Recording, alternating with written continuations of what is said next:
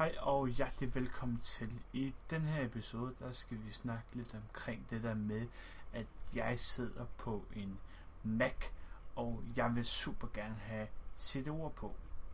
Som udgangspunkt, så vil jeg sige til dig, drop det. Øh, det kommer ikke til at ud i godt eller noget nyttigt, fordi at du skal være super teknisk anlagt i forhold til, at det er, at øh, for at få Windows på din Mac-computer, så skal du køre to operativsystemer samtidig.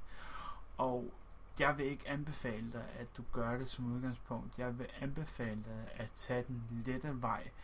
Og den lette vej, det er, at enten øh, tager du imod at bruge øh, Introvert, eller at du øh, kaster dig over AppWriter, som virkelig sparker røv.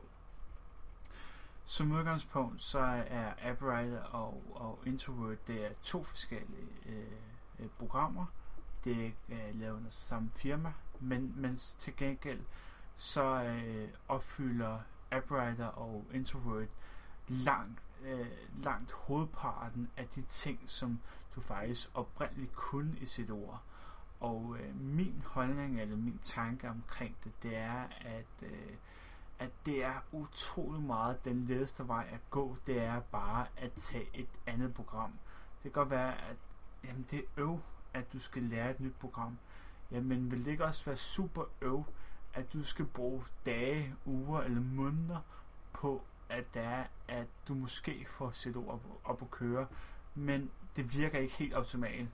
Så den letteste løsning, det vil være helt klart, at øh, du kaster over AppWriter eller Introvert, og øh, så håber jeg, at du fik noget ud af den her lille podcast. Hej.